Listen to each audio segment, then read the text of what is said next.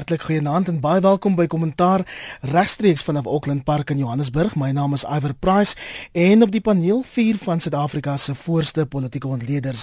Dit is Dr Piet Kroukamp wat aan die Universiteit van Johannesburg verbonde is. Naam se Piet. Goeienaand Iver. Ons praat ook telefonies met professor Erwin Swela van die Universiteit Stellenbosch se skool vir openbare leierskap. Naam se Erwin. Erwin is jy daar? Ja, ek sê hallo aan almal.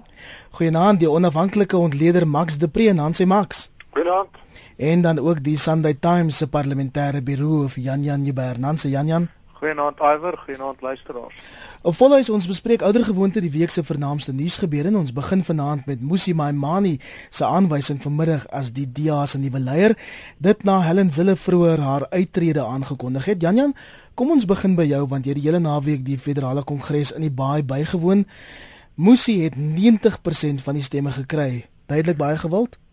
Ja, goeienaand. Ja, hier uit Port Elizabeth uit waar ons um vandag die laaste dag van daardie kongres gehad het. Um die finale uitslaa is nou uit en uh, die korrekte syfer daar's 88,9% van die 1425 stemme het hy gekry.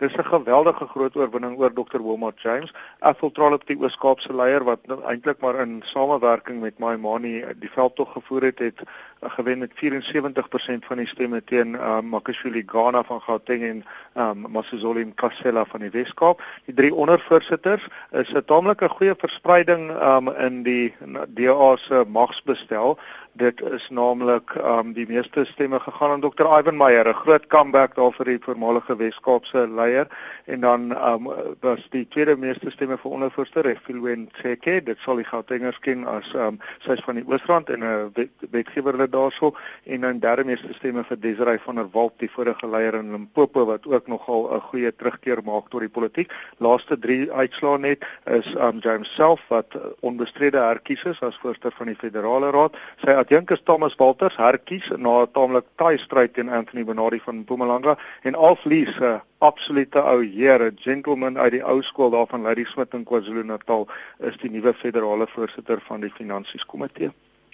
So Piet, dit was redelik voorspelbaar dat meneer Maimani sou wen. Wat beskou jy as sy grootste uitdaging in die eerste 100 dae? Ek dink uh dit waarvan hulle die meeste beskuldig word is dat daar nie beleidsekerheid is nie. Ons moet 'n goeie beleid kry wat grondhervorming betref, wat die ekonomie betref, wat swart bemagtiging betref, wat regstellende aksie betref. Ek dink dit nou en dit hy dit vanaand beklemd en ook uh, vroeër vanoggend in sy in sy toespraak en hy het gesê dit is uh, waaroor daar uh, uh, indringend gesels sal word en ek dink dit is dit is die grootste wat hom sal onderskei van die onstuimigheid wat nou in die DA aangaan in die toekoms en dit is in die mate waartoe hy beleidsekerheid kan bring kan bring en almal kan betrek op 'n manier dat daar 'n vorm van konsensus is oor wat is die DA se beleid oor hierdie kontensieuse dinge. Max jou raad vir sy eerste onderdag? Ja, ek stem saam met Piet, uh, dit is sekerheid bring. Ek dink uh, meneer my man moet uh, in die volgende 100 dae al die vooroordeele teenoor hom aflees. Uh dat hy te jonk is, dat hy liggewig is, dat hy 'n uh, cheapskate Obama kloon is. Al die goed kan hy wegleef. Ehm um, dat hy die ander vraag is gaan hy die verskillende is swarte kragpunte van die party bymekaar kan hou. Ek dink hy kan, ek dink hy het vandag redelik goed gedoen daarmee. Ehm um, en en hy moet binne die volgende 100 dae sê hier is 'n nuwe visie en en is julle almal saam met my? Hy moet almal oortuig hy moet 'n uh, bietjie meer oortuigend as vandag uh vir Wilmot James in sy oppositie omhels. Dit was my 'n bietjie styf. Dink daar was die gevoelens is 'n bietjie kwaai geweest. Ehm um, en na buite toe uh moet hy doen wat hy vandag gedoen het. Hy moet uh, sterk staan, hy moet sterk praat, hy moet sy dinamika en sy karisma wys want ek het vandag en gister en eergister sosiale media en met gesprekke agtergekom onder swart mense in Suid-Afrika wat nooit DA sou stem nie. Is daar nogal 'n opgewondenheid oor hierdie belangrike uh, uh, kentering van vandag dat die dat die groot oppositieparty nou 'n swart leier en en hy moet daai fascinering en opgewondenheid vir homself gebruik. En Erwin as ek iets kan byvoeg, hy moet seker oulik ook uit Helen Zille se skaduwee beweeg. Ja, dit is natuurlik so dat hy ehm um, uh, kom nou uh, in beheer van 'n party wat in die laaste klompie jare dramaties gegroei het, onder andere as gevolg van die werk van sy voorgangers. Die implikasie is met die groei kom daar ook verskywings in die samestelling van die magsbasis en die invloedsgroepe waaroor 'n mens invloed moet uitoefen. In die proses is daar dan ook soos dit maar tipies gaan met partye wat oor tyd uh groei, is daar meer mense met verskillende sieninge. Dit is interessant om daarop te let dat uh, in hierdie groep van mense wat nou gekies is tot die leierskap van die DA is daar 'n baie kleiner verteenwoordiging van die mense wat aanvanklik betrokke was by die skep van die demokratiese party en die aanvanklike samestelling uh, onder andere sien 'n mens min verteenwoordiging hier van ou nasionale party uh, leierskap. So die die era het verbygegaan. So baie van daai konsolidasie moet nou gedoen word. Daar moet 'n nuwe ideologiese dryfkrag gekry word. Dit lyk asof die DA ook aan die verskuif is weg van 'n sterk liberaal demokratiese benadering na 'n meer sosiaal demokratiese benadering. Dit wil voorkom asof die samestelling van die party skuif asof daar 'n verskywing is ten opsigte van die belang belange wat gedien gaan word in die toekoms. Al hierdie dinge moet uh, meneer Maimani nou konsolideer. Dit was in sekere opsigte makliker vir sy voorgangers want die party het eintlik 'n geskiedenis as 'n klein party van redelike koherente optrede. Nou is dit 'n baie breë kerk en ek dink die uitdaging is om al hierdie verskillende uh kom ons sê nou maar faksies of belangegroepe te probeer versoen. Se goed Jan Jan, die party het baie nuwe beleide aanvaar oor die naweek met die oog op die 2019 verkiesing. Is daar spesifieke beleide wat jy wil uitlig wat vir jou uitgestaan het?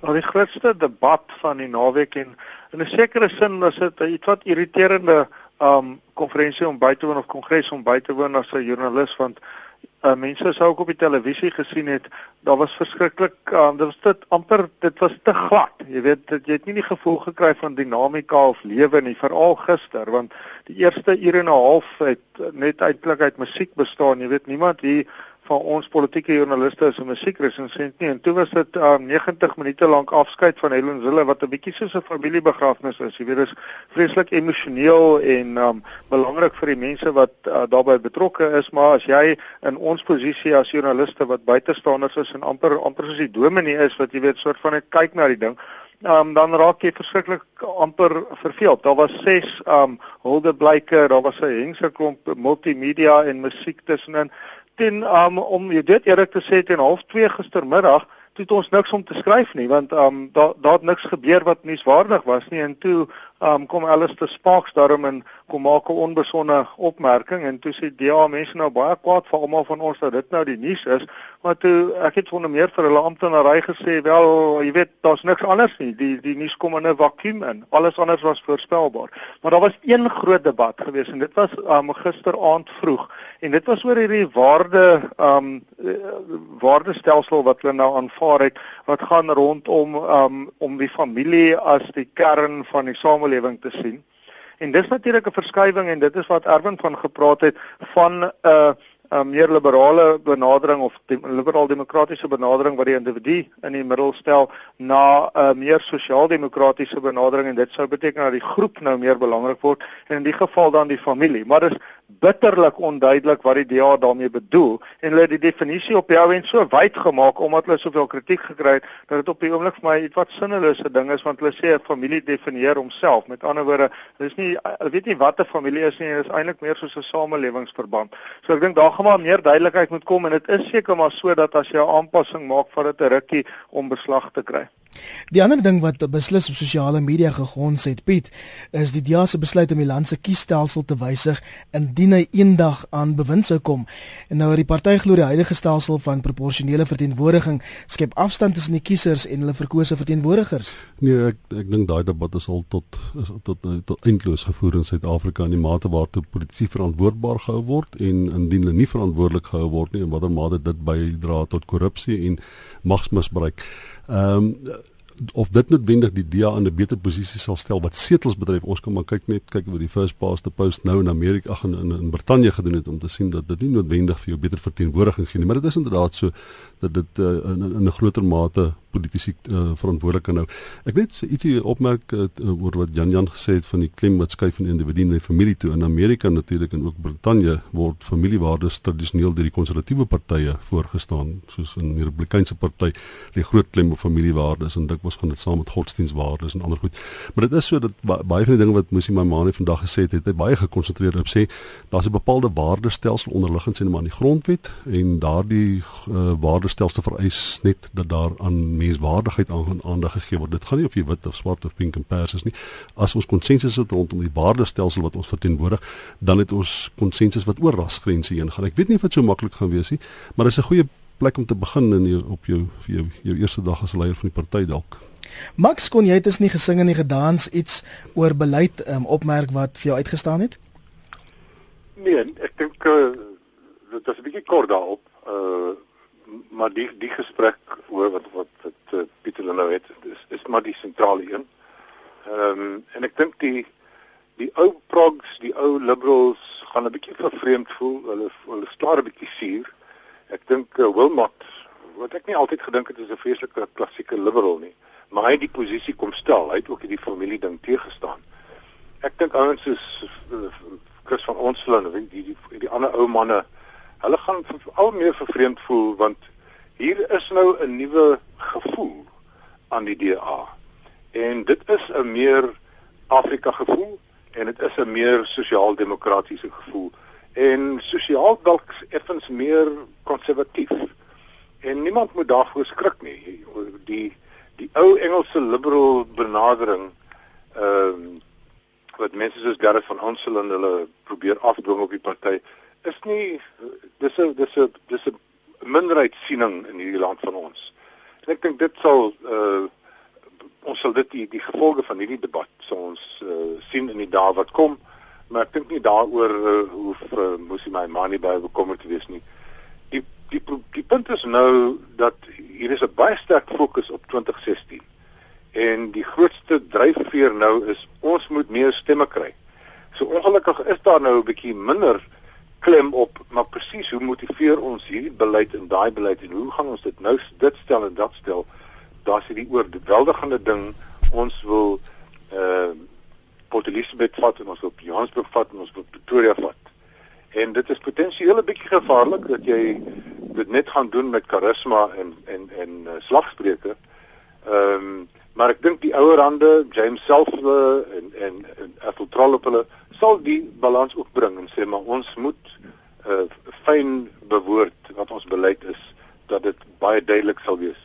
Ek dink die een ding wat wat my geplaas van die uh, van die redelike goeie kompetisies wat daar was vir die leierskap was uh, Wilma James het gesê dat my money wil 'n uh, alternatiewe ANC wees en hy wil alternatief tot die ANC wees hy wat Wilma James is en ek dink daar lê nogal heelwat goed in. Die die die ons gaan die DA bietjie meer soos die C, soos die ANC sien lyk. Like. So of, of liewer soos die ou ANC sien lyk, like. nie soos die Zuma ANC hulle sien lyk like nie. En ek dink ook nie daaroor moet mense uh, te ongelukkig raak nie. Erwin, jou reaksie daarop? As ons nou gaan kyk na die uh, lyne wat 'n mens nou kan begin trek, dan kan 'n mens miskien sê dat dit wil voorkom asof die DA en ons weet mos dat dit een van die beleidsrigtinge wat hulle aanvaar het wat ook deel is van die ANC se beleid. Almal het 'n redelike konsensus oor die nasionale ontwikkelingsplan as 'n beleidsriglyn. Beteken nie dat dit uh, noodwendig deur almal in die party aanvaar word nie. Ons weet dit was een van die debatspunte wat in die debat tussen uh, meneer uh, Dr James en uh, en meneer Maimani na vore gekom het uh, waar meneer Maimani sê ons moet eintlik nie noodwendig uh ekskuus meneer uh, Dr James sê ons moet nie noodwendig met die NDP saamgaan nie maar maar nie eintlik die partylyne die in die opsig gevolg het. Die tweede ding is is ehm um, dit gaan dan ook oor die leierskap in die party wat 'n soort kollektiewe leierskap is. Wat ons ook moet sê is is dat die dinamika van die demokratiese alliansie is tog heelwat anders wat dit betref as van die ANC dit was onmiddellik duidelik na die verkiesing van meneer Maimani was daar 'n tweet van uh, eh, Dr James wat hom geluk gewens het. Daar's 'n groter mate van aanvaarding van die uitslag van hierdie verkiesings. Ehm um, en so word daar 'n kollektiewe leierskap gevestig ook met die hulp van senior mense soos uh, meneer James self die ander uh, uh, federale leierskap Uh ons weet in die Weskaap dat Dr Meyer goeie werk hier doen en so word daar 'n kollektiewe leierskap gevorm sonder die konflik wat 'n mens dikwels vind wat ontstaan en bly voortbestaan as 'n mens weer eens net na die Weskaap se voor, voorbeeld kyk maar ook ander voorbeelde van die ANC. So ek dink die die die DA het 'n geleentheid om nou sy posisie te konsolideer, wel te gaan kyk na nuwe beleidsstandpunte. Daar's 'n verskywing in terme van sy lidmaatskap, sy belange, die belange wat wat gedien word en uiteindelik gaan die beleidsaanpassings dan volg. En dis 'n proses van voortdurende leer. Uh ek dink in elk geval nog steeds nie dat die DA en ek dink dis 'n uh, dis 'n redelike konsensusopinie, maar dat die DA op hulle eie uh, enige verkiesing uiteindelik gaan wen nie. Hier kom 'n herskikking van die politiek waar daar 'n uitkalwing is van die steun van die ANC en nuwe koalisies gevorm sal word by die volgende verkiesings. So daar's 'n besondere dinamika in ons in ons politiek nou en 'n interessante een om dop te hou en ek dink die DA is beter geposisioneer nou as wat hulle in die verlede was in die verband. En dieselfde asem Piet sê meneer Maimani duidelik dat hy met sy verkiesing nou 'n tree nader aan die Unie gebou is.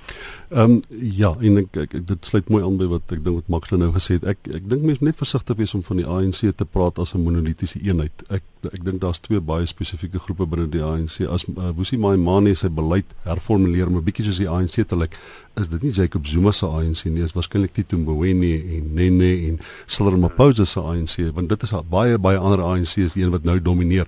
En ja. ek dink daar's geweldig baie politieke speelruimte vir die DA om in daai ruimte nou in te beweeg uh, spesifiek so omdat die ANC daai deel wat 'n sterk groep is maar nou relatief stil is, nie nou werklik daai politieke spasie in Suid-Afrika okkupeer nie. Hulle word gedomeineer deur uh, die Jacob Zuma deel van die ANC. So daar's nou ruimte om daarin te beweeg en op daai manier kan jy nou plaaslike regerings oorneem. Jy kan dalk uh, dominant of jy kan miskien aggressief begin in bepaalde provinsies kan jy politieke speelruimte vir oopkap. Maar uiteindelik as Jacob Zuma die dag met daar is, nie sal die ANC dink ek weer daardie spasie okkupeer. Maar daar's nou vir die in die volgende 2-3 jaar is daar baie ruimte vir die DA om in te beweeg in daai noem dit net maar die die konstruktiewe vorm van van van politiek pragmatiese politieke bestuur wat jy kry onder 'n deel van die ANC.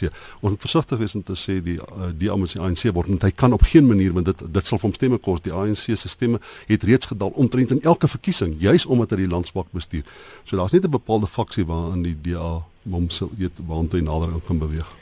Janie en daar's heelwat tweets wat instroom mense wat vra dat ons moet praat oor die herrie nadat die oud koerantman Alistair Sparks die eerste se eerste minister Hendrik Verwoerd as 'n intelligente man beskryf het. Ek weet mevrou Zille het vir Alistair Sparks in die bresse getree, maar meneer Maimani het hom te vroeër vanmiddag van die uitspraak gedistansieer. Ja, ek moet sê, um Iver, ek wil nou nie mense se opwinding hierso uh, bederf nie, maar ek was daarom daar en ek het die gevoel gekry Alistair Sparks wat nou 82 jaar oud is het hy het 'n hele lys genoem van van politici wat hy nou as dinamies of intelligent um beleef het. Hy het begin by Harry Lawrence, 'n heel ou luisteraar sal weet Harry Lawrence was in die Smith kabinet en toe het hy gegaan deur Maree Steyn en 'n klomp mense in die Verenigde Party wat mense wat miskien so 60, 70 jaar oud is sal onthou en dan het hy uitgekom by Dr. Zak de Beer wat nogal vir my oninspirerend was, maar nou blykbaar hom wel geïnspireer het en Dr. van Sail Slabbert wat ek dink ons almal oor saamstem en toe nou deurgekom tot by Helen Zille wat nou vir hom so so geïnspireer het en is alles wit mense gewees en alles uit die liberale skool. En toe het hy so half 'n grinnetjie gegee en gesê en dokter Hendrik verwoord. En ek het gevoel hy het dit ironies bedoel en as 'n bietjie van 'n swak grap wat nie baie goed afgegaan het nie. En toe het dit op die Twitter wêreld wat soos ons weet maar 'n taamlike kits oplossing wêreld is waar mense weet partykeer meer praat as wat hulle dink of meer tweet as wat hulle dink en party mense in Engels sal sê hulle maak redelike twits van hulle self het toe daaroor te kere gegaan. Maar wat my geïrriteer het en hoekom ek nie daaroor geskryf het vir ons koerant nie is enige iemand wat dink dat Alistair Sparks wat 'n voormalige redakteur van die Rand Daily Mail is um jy weet 'n ondersteuner of 'n bewonderaar van Dr Hendrik Verwoerd is moet sy kop laat lees of is histories oningelig. Die Rondtaily Mail was dokter Verwoerd se grootste nagmerrie en dokter Verwoerd was die Rondtaily Mail se grootste nagmerrie. As jy dink die huidige regering is erg op die media, geen idee hoe dit was in die 60er jare toe dokter Verwoerd aan bewind was vir 'n liberale koerant soos die Rondtaily Mail nie. So ek het gevoel um dit was waarskynlik 'n swak woordkeuse deur Alistair Sparks nou dit vir hom swakker gemaak deur toe nou teen die media uit te vaar wat blykbaar nie verstaan wat hy bedoel nie en hy's maar 'n moeilike man, hy's 82 soos ek sê is maar beduiwel en ek dink um dis wat daar gebeur het. Ek sou daarin werklik nie veel lees nie. Buitendien, Ivan, ag Ivan, as ek nou sê um Jacob Zuma is 'n baie um goeie leser van die um ANC dinamika en 'n oorlewer in die politiek, dan gee ek vir hom twee komplimente. Dit beteken nie ek dink Jacob Zuma is 'n goeie president of 'n goeie um politikus selfs of 'n goeie voorbeeld nie. So partykeer as jy sê iemand is intelligent, beteken dit nie jy stem met hulle saam of onderskryf alles wat hulle gesê het nie. Dit was my lees daarvan. As jy dalk laatmens ingeskakel het, jy luister na kommentaar op RSG, dis nou 24 minute oor 8 en in ander nuus Solidariteit in Afriforum met 16 mosies aanvaar ter in sy sogenaamde krisisberaad wat die week gehou is.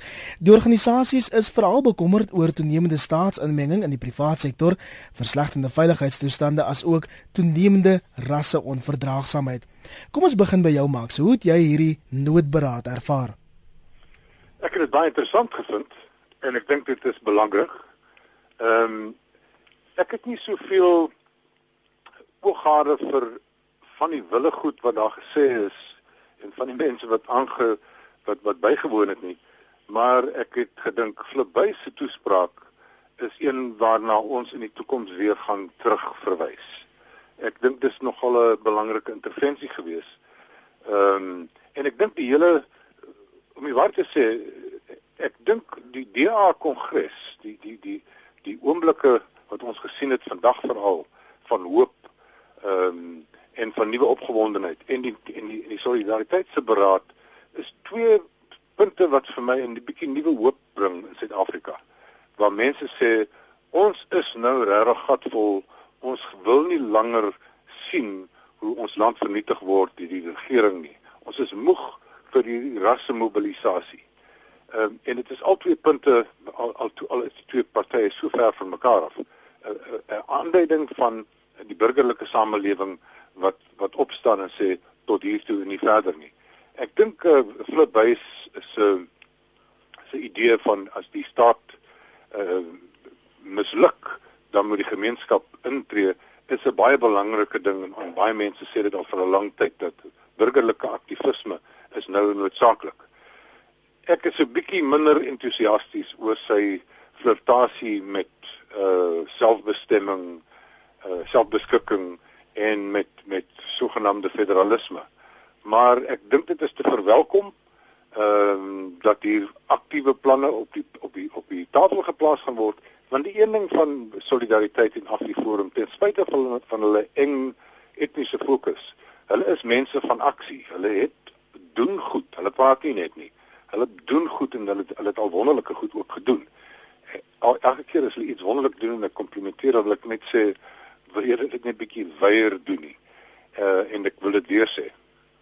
Piet, dit het ook geklink of in die Sondagkoerant of jy vir Flip Buys in die bresse tree. Wel ek ek het so lank stryd met Flip Buys dat ek baie versigtig is om om hier saam te stem. Maar ek dink mens moet konstruktief of mens moet interessant kyk na dit wat hy gesê het en in wat soos maklik nou gesê het, uh, daar is die enigste redding vir 'n demokrasie is konstruktiewe betrokkenheid deur die burgerlike samelewing en Musi Maimane het byvoorbeeld vanaand gesê of vroeër vanmôre gesê dan moet 'n groter mate van aktivisme kom indien die DA op een of ander manier wil politieke kapitaal maak in die informele nedersettings of in uh, die onderarms wat Suid-Afrikaners sal hulle meer aktivisties moet wees. En ek dink dieselfde ding sê Flip Buys. Hy sê ons loop op een of ander manier 'n groter vorm van aktivisme moet openbaar en nie aktivisme op 'n destruktiewe manier maar ons moet konstruktief betrokke wees by ons eie oorlewing. Uh, ek soos Pak kan ek nou nie heeltemal vrede maak met die feit dat hy 'n bepaalde identiteit daaraan gee, 'n rasmobilisasie daaraan gee nie of 'n etniese mobilisasie, want ek kan nou vir jou sê daar is geen manier wit wit Suid-Afrikaners op 'n federale eiland in Suid-Afrika gaan voortbestaan as dit nie goed gaan met Suid-Afrika as 'n geheel nie. So dit maak sin vir my dat Flipbuys en uh, Afriforum en solidariteit op 'n manier betrokke raak by die groter Suid-Afrika en die probleme van die groter Suid-Afrika aanspreek en per definisie sal dit ook goed gaan met die groep wat hy homself aanboorde daag. Erwin, jou reaksie? Daar's 'n toenemende konsensus uh ten opsigte van wat ons nou maar kan noem die diagnose van ons situasie. En dit uh dit word gedeel deur 'n wyd uiteenlopende groepe. In 'n sekere sin ehm um, is daar 'n groot mate van 'n ooreenstemmende siening in hierdie diagno diagnostiese analise analise by verskillende politieke partye. 'n Mens kan amper sê wat dit betref is 'n uh, is die DA ehm um, eintlik omtrent almal wat in oppositie is, selfs die EFF ehm um, en en en die ehm um, die die die KP en ook nou uh die solidariteitsbeweging het 'n soort konsensus om te sê daar's ernstige probleme wat die regering uh, betref en wat uh, die manier waarop die land regeer word betref. Terselfdertyd is daar dan nadat hierdie konsensus uh, daar selfs hierdie hierdie hierdie ontwikkelende konsensus onder bepaalde gedeeltes van die ANC soos Piet ook al opgemerk het. Maar wanneer hierdie konsensus dan ten opsigte van die diagnose gemaak is, is daar 'n totaal uiteenlopende stel benaderings oor die prognose. Dit wil sê hoe hanteer ons dit nou? Wat maak ons hiermee? En dis waar daar dan 'n groot mate van verskil is. En dan is die uh versoeking daar om aan die grense of op op die rand van die politieke spektrum die maklike mobilisasie opsies uh, te te onderneem. En daarom kry jy dan dat die EFF met min of meer dieselfde diagnose as die as die uh ehm um, solidariteitsbeweging ehm um, 'n vergelykbare oplossing gee en dit gaan oor etniese mobilisasie. Ehm um, en dit is eintlik een manier om daarna te kyk. Die ander manier is natuurlik om te sê maar ons is almal binne een groter samelewing. Ons moet op een of ander manier ehm um, of 'n reënboognasie of 'n mosaïek nasie uh, soos Max dink ek dit deesdae noem word en of dit nou 'n goeie of 'n slegte ding is wat duidelik is is dat daar ernstige kommer is oor die hele spektrum van analiste ook partytetiese analitici oor wat hier aan die gebeur is, oor die wat ons daarmee maak is dan nie so 'n konsensus nie en dit is waar rondom 'n mens moet gaan kyk waar die waar die politieke konflik dan lê. Maar etniese mobilisasie op enige manier dink ek is nie die antwoord vir die pad vorentoe nie. Kollegas, die tyd is ons besig om ons in te haal en ons moet beweeg na nuus uit die buiteland. Die Britse premier David Cameron sê die konservatiewe party se volstrekte meerderheid in die parlement sal hulle in staat stel om hulle verkiesingsbeloftes na te kom en die leiers van drie ander partye het intussen hulle bedankings aangekondig. Jan Jan Theo Venter het al 'n week gelede op kommentaar gesê dat meneer Cameron eintlik vir prinses Charlotte vir sy oorwinning moet bedank. Jou reaksie daarop? Sjoe, ek dink arme prinses Charlotte is net 'n paar dae oud. ek weet darem nie of dit waar is nie.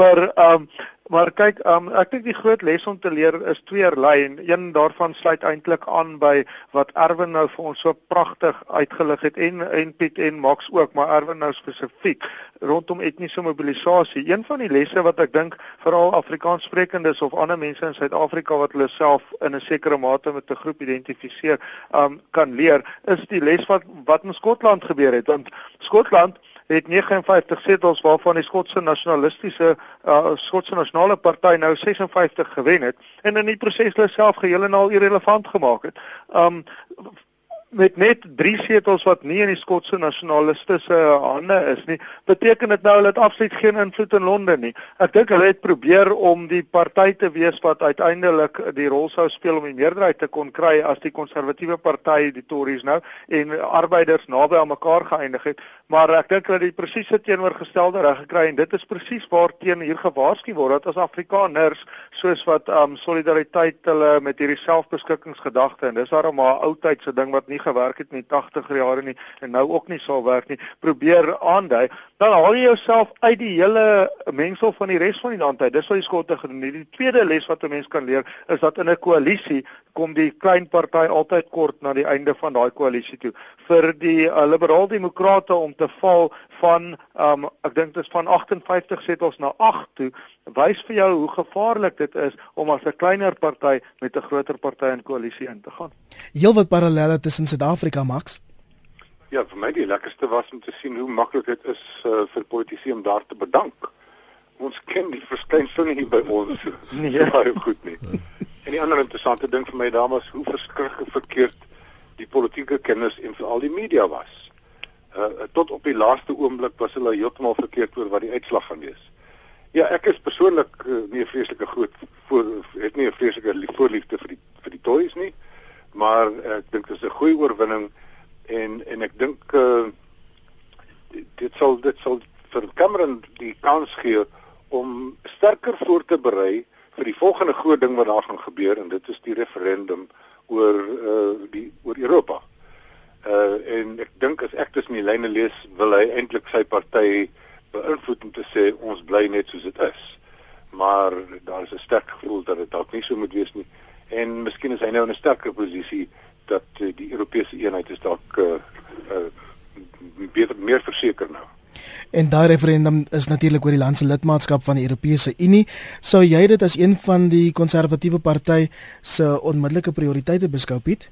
Wel ek ek, ek dink dis 'n as dit vir die dit was nog altyd vir die konservatiewe party belangrik om onafhanklik te bly van Europa en daar's geen beter tyd as nou wat die met die uh, uh, finansiële onbestendigheid wat in Europa reeds heers dan is so ek vermoed daai punt gaan gaan redelik maklik huis toe gevat word. Die ander ding wat wat ek wat my bietjie bekommer oor die konservatiewe party is dikwels hulle beleid oor godsdienst, hulle beleid oor maatskaplike dienste, hulle beleid oor immigrante dit trek alles na die konservatiewe kant toe. Hulle die, die konservatiewe party is is is kenmerkend daarvoor dat hulle binne in wetenskap belê en uh, uh so ek ek ek ek is bekommerd oor met wat wat hierdie noem dit maar die die die periferie politiek van die konservatiewe party se oorheersing skielik uh in Brittanje uh, inhou uh, en uh, ons ons kan ook weet dat daar sal weer 'n skotse referendum kom. Hulle gaan hom forceer. Ek dink dis een van die redes dat of dis een van die uh, spin-offs van die feit dat die skotte so goed gedoen het of dat daai bepaalde politieke party so goed gedoen in Skotland dat uiteindelik wil hulle weer 'n referendum forceer en ek dink dis daar dis nie onmoontlik om op op 'n stadium gaan deurtrek nie.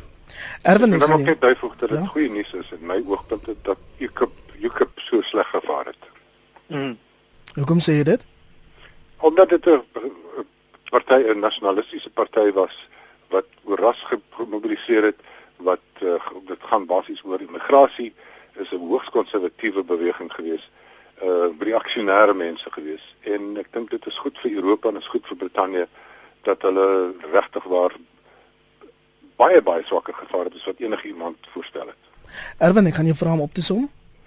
Die substansie van die Britse politiek en die styl van die Britse politiek is interessant die konservatiewe party het na my mening hierdie klinkende oorwinning behaal omdat hulle self eintlik 'n bietjie van daai nasionalistiese gevoel en die vrese um, en die angste van die Britse bevolking opgetel het en eintlik in 'n sekere sin miskien selfs van die van die van die UKIP steen so getrek het. Hulle het dus eintlik in 'n sekere sin uh, daaraan geslaag om om die gevoel van van van van van Britse nasionalisme uh, bymekaar te bring. Natuurlik die skotte is nou 'n uitsondering want die skotte het hulle eie nasionalisme. So in in die sin dink ek is daar ook 'n beweging daar as gevolg van die Europese krisis, die finansiële krisis, die gevoel dat dat Europa eintlik 'n ou kontinent is. Al daai dilemmas uh, wat wat die wat die Europeërs angstig maak, migrasie, het die het die konservatiewe party beter vasgevang en verwoord vir 'n uh, 'n 'n groep kiesers wat wat dan voel maar hulle moet hulle belange beskerm eh, binne op hierdie eiland en dit is maar die eilandmentaliteit van die Britte ook tot 'n groot mate. Dan's daar ook die styl van die politiek. Dit wil lyk asof in Jan Jan het gister oor gepraat van die Rasmussen styl asof die blink styl ehm um, die die die die die media grepe die besondere manier van die politieke dinamika asof dit ehm um, besig is om eintlik substansie te oorskry.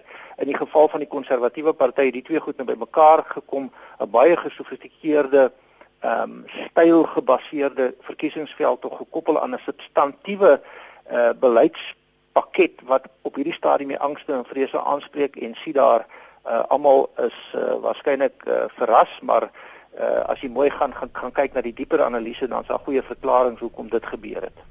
Kollegas, dis ongelukkig alwaar vir 'n tyd het vanaand op kommentaar. Baie dankie vir julle tyd en kundigheid. Dit was Dr Piet Kroukamp, professor Erwin Swela, Max de Pre en Jan Jan Joubert.